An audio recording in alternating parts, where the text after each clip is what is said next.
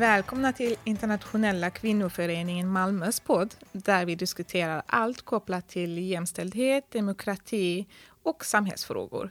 Vi som leder podden heter Doha Kermani och Anna-Karin Herbert. Idag har vi med oss Brunhilda Stankowska som är med i UKFs referensgrupp för projektet Framtiden tillhör alla. Välkommen Brunhilda. Tack så mycket. Vill du berätta hur det kommer sig att du är med i projektet som heter Framtiden tillhör alla? Ja, det är så att jag fick eh, information om att det ska drivas en projekt för just, just oss äldre i, inom IKF. Och den gruppen eh, skulle kunna, en grupp vet jag vilka kunde jag tänkte mig vilka skulle kunna komma. Det är några stycken som, vi har, som har varit aktiva en längre tid och hållit ihop. Så jag tänkte, ja då, då anmäler jag mig på den.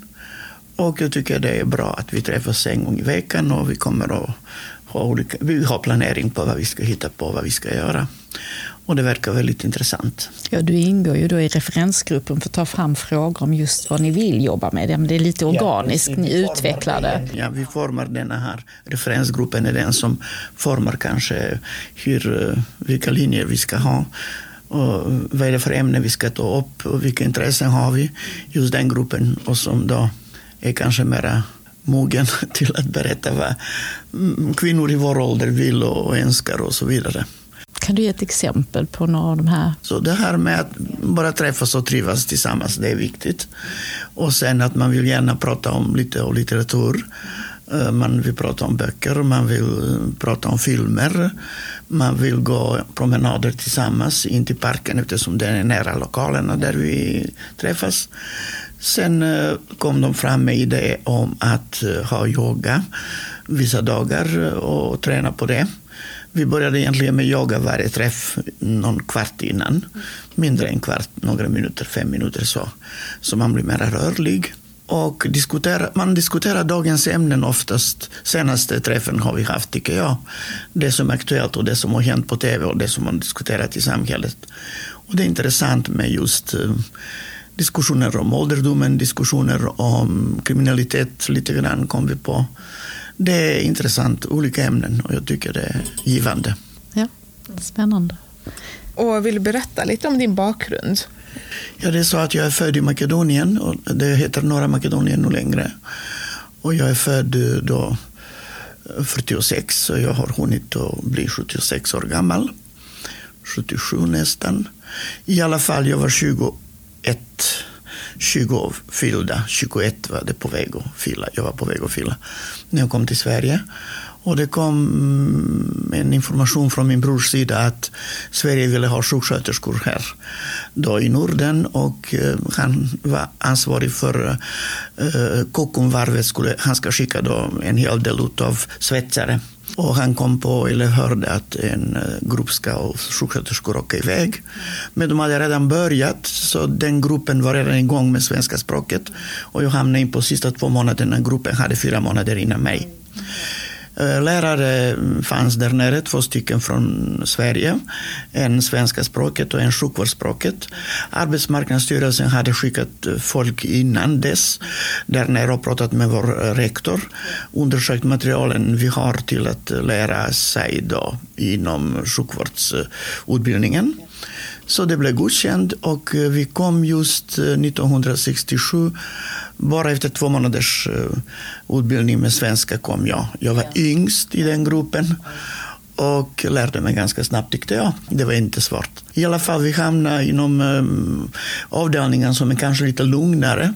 Långvården, lungkliniken, Eh, Eh, och eh, lärde oss svenska samtidigt som vi jobbade efter arbetstiden. De här två lärarinnorna var nöjda med vistelsen i Makedonien. Och det roliga var, jag berättade på, mm, alltså vi hade texter, små texter och läste just på gruppen där på IKF inom projektet. Eh, de hade en fest, en gång fest inte, men de visade oss hur man firade här i Sverige. Lucia som jag första gången påträffade. De gick med tidigt på morgonen, släckte alla ljusen i de här lokalerna och pratade i korridorerna och vi gick in och satte oss, gruppen då vi var 18 stycken. Och undrade vad hittade de på? Och de kom in insvepta i vita lakan och med ljus i håret och sjöng Lucia. Och jag tänkte, och vi tänkte att det är något konstigt med deras beteende, kommer de blivit, har de blivit på något sätt påverkade av klimatet, det var det. Och de bjöd kakor som smakade något annorlunda med olika örter och, och lukt och, och färg. Och färg. Pepparkakor och saffran. Pepparkakor. Så det är det första, det första jag påträffade, just uh, första informationen om, om Lucia. I alla fall när vi kom med flyget från Belgrad, först tåget till Belgrad från Skopje och sen flyget till uh, Köpenhamn och sen kom de, uh, på den tiden klinikföreståndaren väntade på oss på båten, med båten över till, till Kastrup. Havet var fruset och det var båtar som, som gick igenom isen. Och man blev rent förvånad. Var kom man någonstans? Mörkt var det också. Mörkt var det också på morgonen när man vaknade och mörkt var det när man gick från jobbet. Men i alla fall, jag har trivts hela min tid här i arbetslivet och har tyckt om och jag älskar mitt yrke. Har tyckt om patienterna, arbetskamraterna, allihopa. Och jag har varit chef för avdelningen många omgångar. Och jag förstod också vad du sa tidigare, att det var inte jättemycket att komplettera heller. Alltså när ni kom hit så var, var ni mer mindre... komplettera, nej. Vi, vi fick tenta svenska språket i Uppsala. Det var bara mm, fyra eller tre, fyra dagar som vi var där uppe.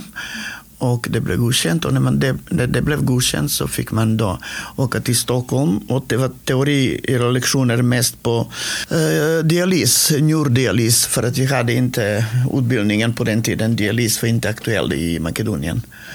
Och lite av kirurgi men jag sedan efter att ha fått svensk eh, Eh, legitimation fick jag specialisera kirurgi här. För att jag jobbade på kirurgen ett år innan jag kom hit till Sverige. Okay, okay.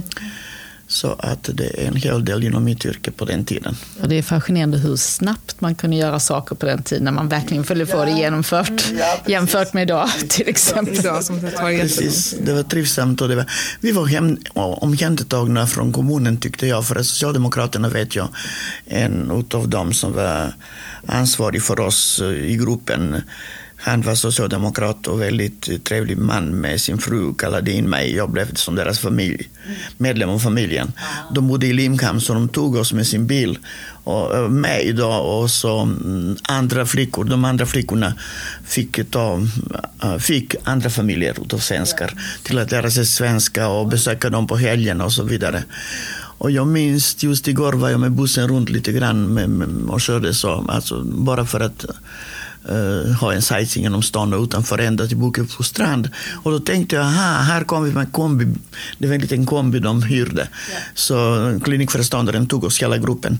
För att vi delade på oss, åtta stycken uh, var i Malmö, uh, nio stycken var i Malmö, nio stycken i Göteborg. Vi var 18 sammanlagt. Och Sydsvenskan skrev på den tiden om den gruppen som kom. I alla fall kom jag på det igår just sittandes i bussen att aha, här körde vi Limhamn, Folkets hus med den lilla kombi. De visade oss. Och då tänkte jag, vilka intryck hade jag på den tiden? Ja, jag hade intryck av att det var väldigt välordnat det här landet, väldigt lugnt och väldigt uh, rent på gatorna, fina hus. Och bevarade gamla hus som hade då fin fasad och så vidare. Man har vårdat dem. Oj, vad välorganiserat. Vi hade tänkt att fråga, hur var din första period i Sverige? Men nu har du ju beskrivit en hel del. De tog hand om oss på det viset att vi, blev, uh, vi fick rum på ett hotell som var sjukhushotellet på Trelleborgsvägen. Det var andra hem nu längre. Och I det hotellet hade vi varsitt rum. Vi var två stycken i rummen. Där nere i källaren var det bastu och tvättstuga och så vidare. Men eh, vi gick till sjukhuset gåendes. Det är inte mm, så långt södervärn från det här Trelleborgsvägen. I alla fall var det gåendes en 20 minuter, halvtimme högst. Sen började flickorna diskutera med klinikföreståndaren om att flytta närmare. Och då fick vi ovanpå avdelningarna fanns våningar där sjuksköterskorna bodde. De var inte gifta på den tiden, det var mest flickor som arbetade inom ja. vården. Så vi fick varsitt enskilt rum och där, där bodde vi.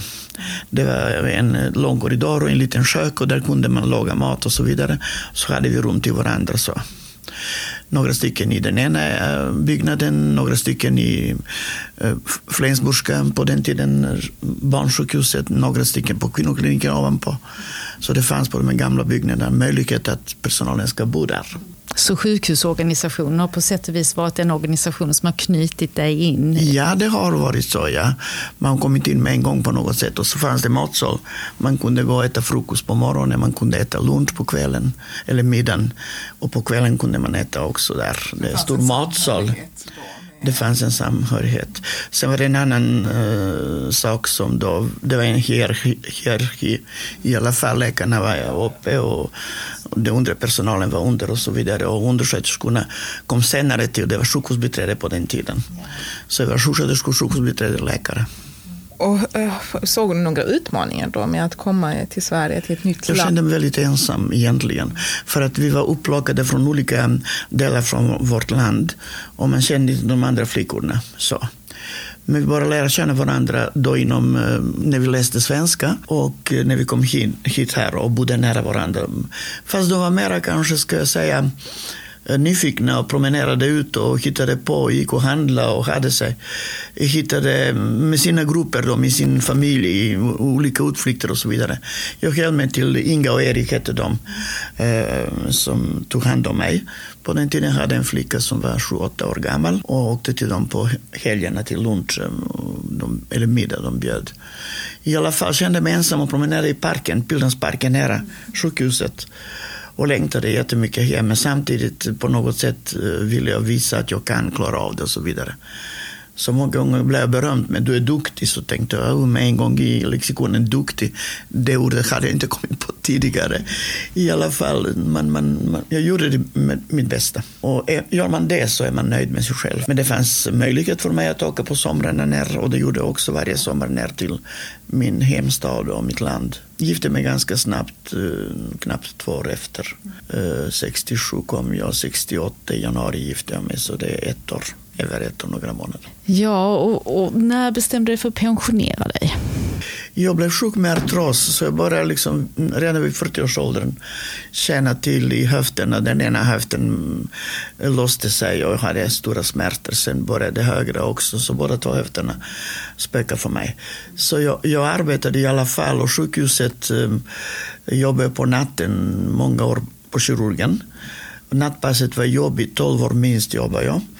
Sen gick jag över till dagtidsarbete och sen eh, ändrade jag eh, eh, heltid på Verkhems sjukhus. Sen ändrades Verkhems sjukhus med det att den blev mindre. Små enheter skulle man organisera och man fick olika hem. Söderkullahemmet åkte jag till. Att jag jobbade där, fick det som arbetsplats.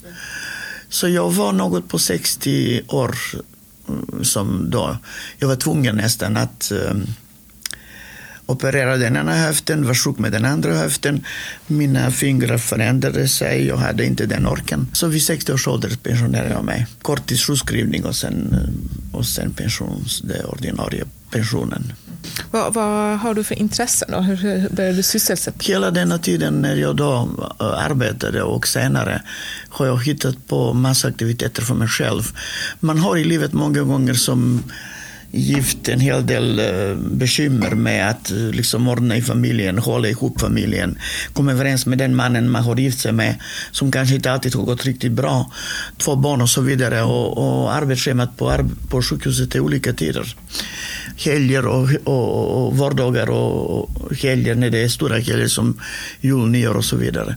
Så det har varit jobbigt för mig, men för att undvika det och hamna i någon sorts depression så har jag hittat på att gå på alla möjliga kurserna eh, som man har haft inom sjukvården, inom utbildningen, anmält mig på allt möjligt. Och I aulan har det varit massor med föreläsningar som jag har gått och lyssnat på. Sen hörde jag om konst. Eh, jag älskar att måla och rita och teckna och så.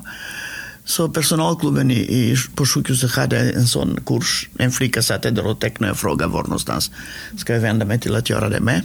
Och då anmälde jag mig där och cykeln på Skånska målarskolan i halva året betalade privat på att gå de lektionerna på eftermiddagarna när jag var ledig. Wow! Så det gjorde jag. Sen gick jag på olika utbildningar vad det gäller eh, aura och, och mm, livet efter detta och lite grann av uh, esoteriska ämnen. Och det hittar man genom, när man går till biblioteket så finns det på informationstavlan en massa aktiviteter. Då anmälde jag mig på det. Läste massa med böcker, gick på, på mm, biblioteket Tiden har gått jättefort. Likadant, jag fortsatte med det som pensionär också. Och det här med IKF-aktiviteterna har jag också varit aktiv på eh, efter operationerna. Och sen fick jag hjärtinfarkt eh, tio år sedan är det nu. Men i alla fall, det har varit positivt allting att röra på sig och vara med människor och utvecklas. Du kanske ska ställa, för vi brukar alltid ha fika då på våra poddar, så jag ska fråga dig om du vill ha fika och kanske ditt första minne av fika. Det här är en typiskt traditionell med grann dammsugare, en chokladboll och en biskvi. Så mycket mer typiskt fika kan det inte bli. Det är som sången, jag vet inte om du kommer ihåg svenska svensk fikasång, en rap som finns om detta. Um, så kan jag bjuda dig och du kanske kan berätta ditt första minne av det? Ja, det var när jag kom till eh, Sverige då och började arbeta på långvården. Den fick vi varje morgon. Frukost tillsammans hade vi då i köket. Det var ett stort, stort kök. Och man dukade. Flickorna gick och handlade någon av dem bullar på morgonen och munkar. Och var och en beställde vad man vill och så satt vi tillsammans. Det som var skillnaden på den tiden var att bara kaffe, inte, inte mjölk. Ja.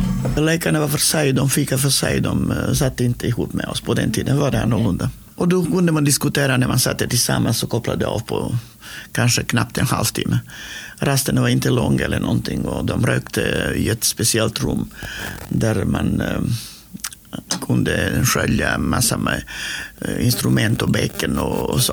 Oh. I det rummet satt Nej, samtidigt. Oj. Och, nej, men inte samtidigt. De rökte mm, efter fickan, de rökte på de här rummen. På den tiden var det tillåtet att inom byggnaden röka. Så denna upplevelsen är då att det var mysigt att vi åt eh, munkar och att vi diskuterade lite grann. Jag var förvånad på den tiden också väldigt mycket på att det var massor med flickor, unga flickor, sjukvårdsbiträden som hade barn som var ensamma och inte gifta. Jag tänkte herregud, de har fått barn. Och så började jag fråga varför och hur och var är barnet. Och, men det fanns sjukhusdagis. Eh, de hade olika arbetstider på det, det dagiset. Så jag lämnade mina barn, de gick på dagis på sjukhusdagiset från sju på morgonen till halv nio på kvällen. Mitt på dagen hade jag paus tre, fyra timmar. Och så kunde jag gå och handla och så komma tillbaka till arbetet eller åka hem och så komma tillbaka. Barnen kunde vara på dagis. Likadant helgerna. Så flickorna hade sina barn på, på, på dagis, de här som inte hade född respektive var inte gifta och så vidare. Oerhört välorganiserat. Ja. Det var det. Det fanns nattdagis också för de som jobbade natten på den tiden när barnen var små när jag natten, mina var stora, de började i skolan och då gick jag över nattarbete på kirurgin för att kunna vänta mm, från, när de kommer från skolan och vara hemma. Wow, vad intressant, för det är inte riktigt så man tänker sig sjukvården idag. Sen, vi hade bara ett års kontrakt om man säger så. Vi skulle ha stannat ett år, men kunde förlänga den, men jag, jag stannade längre och förlängde den. Och tre stycken av de som i Malmö åkte tillbaka till Makedonien. Vi umgicks sedan också privat efter vi har eh, Jaha, när ni slutade jobba så ni, ja. ni var ett gäng. Ja. Det låter ju superkul. Fortfarande har jag kontakt med två stycken av dem. Ja, fint. Alla åren. Ja, lite annorlunda samhälle. Ja. Och uh, Har du några hobbys som du själv tycker nu är viktiga? Något som är viktigt i måleriet, ja. ja. Jag, jag tycker Malmö kommun anordnar väldigt fina... Det kom en tidning, Vi tillsammans heter tidningen, Vi tillsammans, det är Malmö kommuns. Och jag öppnade den på lästid, det har jag haft tidigare också men inte reflekterat. Så tittade jag, här på Kirseberg bor jag. Finns aktiviteter på um, Ignis heter föreningen eller aktiviteterna, mötespunkten. Så jag gick bara dit den dagen så fort jag fick tidningen. Jag ville fortsätta, jag ville måla, jag målar hemma. Men det luktar repentin och det är annorlunda när man är i en grupp. Så jag hamnade i den gruppen och jag älskar det. Och sen på IKF med projektet, aktiviteter då och eh, Ja, bokhandeln, eh, bokbiblioteket. Eh, Men det är mera på internet. Jag lånar böcker på internet och lämnar dem eh, genom internet. De, de går tillbaka av sig själv. Man behöver inte gå dit och lämna boken. Så det är perfekt för oss som är äldre. Ja, jo, jo det, det förstår jag. Gå automatiskt tillbaka. Mm. Man hittar fler böcker på internet också. De lägger ju inte upp böckerna på hyllorna som de gjorde förr i tiden. Utan Nej, man måste hitta allting på precis, nätet ändå. Precis. Jag var inne just när det var ingen internet vad det gäller böcker och läsa och så. In på biblioteket ofta och så den enda jag gick på den hyllan som är psykologi och filosofi. Ah. Det drog mig dit alltid. Och ibland väntar böckerna på oss på, på hyllorna när vi visar oss. Och den, den, man tar den boken som har tänkt sig på vägen dit tydligen. Ämnet ska vara den. Och man blir så glad. När man hittar just den som står där. Den, ja just det. Man har någon sorts förvägsuppfattning vad man ska läsa och så står den där och väntar på en. Jag saknar lite grann den här tiden då man kunde se alla böckerna. Nästan alla. Det, jag vet Ja. inte. mm. Kyrkseberg har kvar sin bibliotek och jag var på, på stadsbiblioteket häromdagen, det stora biblioteket, för att eh, ta ett nytt kort för att den fungerade inte mitt. Nu har det kommit ett i Rosengård och det ska vara jättefint sorterat. Mm, så den vill jag kolla. Verkligen. Det är roligt att göra det. Har du några sista ord att säga kanske kring som eh, ja, en visdomsord eller liknande? För... Jag vet inte, man ska säga så här att eh, jag har eh, jag trivs här i, i Sverige, har jag alltid gjort och har inte varit diskriminerad. Har inte känt mig diskriminerad. Skrev om det här med att en patient en gång skrek på mig när jag öppnade dörren eller fönstret. Jag skulle vädra hans rum. Så sa han, du, du han vet att jag bryter och jag är inte från eh, Sverige. Åk till ditt land och öppna alla fönster där inte hos mig. Men fattade, han, han eh, var en gammal man och har aldrig rest någonstans. Jag har känt mig bra, jag har trivts här, men jag har en längtan hem. Jag delas med två. Det är hela tiden en annorlunda liv, en annorlunda... Eh, jag träffar mina vänner från eh, mitt hemland, de som vi har gått i skolan tillsammans. Och de arbetar på fortfarande, eller eh, är pensionärer men har arbetat när jag lämnade Makedonien så var de kvar i, i, inom vården. Jag träffar dem varje sommar när jag har åkt ner och kommer att träffa dem i sommar också. Man är, man är delad i två stycken. Man är det. När man en gång har lämnat sitt land så är man inte detsamma. Man är inte detsamma människa. Man har ju fortfarande minnen och kärlek till det kanske. Man har bagaget med sig. Som jag säger, den formar oss. Det som vi, vi har upplevt och varit med om, det har man på sin rygg. Och det bagaget har man med sig med alla minnen och alla upplevelser.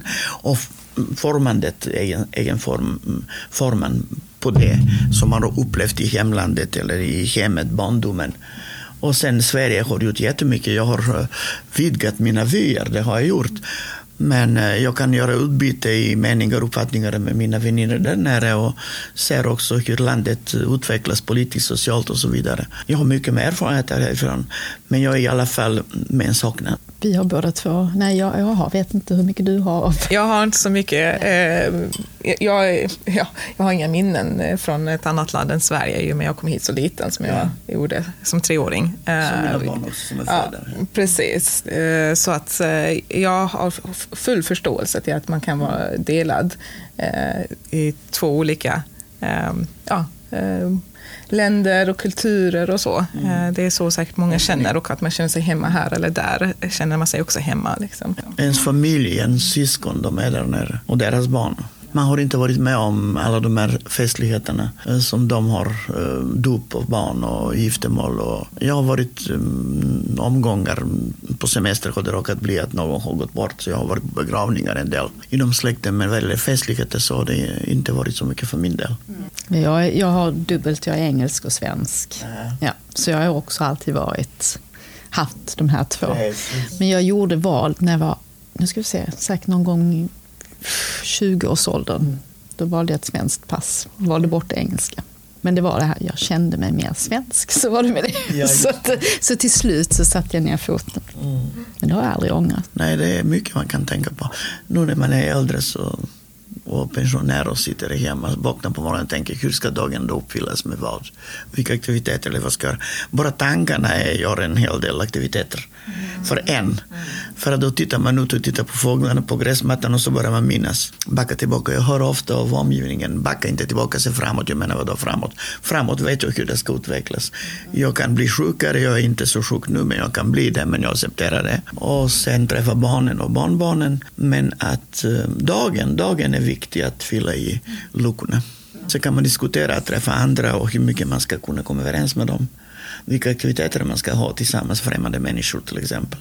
Så det här med eh, aktiviteten i kommunen gör mig väldigt glad. Så jag har tankar ibland att gå till, eh, anmäla mig och vänta i kö för eh, något hem där äldre personer bor tillsammans och så. Och aktiviteter, en hel del har de tillsammans. Samtidigt tänker jag, jag vet inte riktigt, det är en stor sak att göra det, flytta och hålla på och tömma sin lägenhet som jag älskar egentligen. Så det är massa med hinder på det sättet. Det viktiga är att man har en harmoni i sig själv och accepterar saker och ting. Men man är mogen, man mognar. Något som är bra tycker jag, som jag alltid tänker på, det är Selma Lagerlöfs ordspråk. När hon säger i den stilen, Gud beskär inte min själ innan den har kommit till mognad. Mm, vackert. Visa ord som jag tycker vi kan avsluta själva podden med. Ja, tack så mycket. Tack så jättemycket för att du var med. Du har precis lyssnat på bonusavsnitt för projektet Framtiden tillhör alla som är finansierad av Allmänna arvsfonden.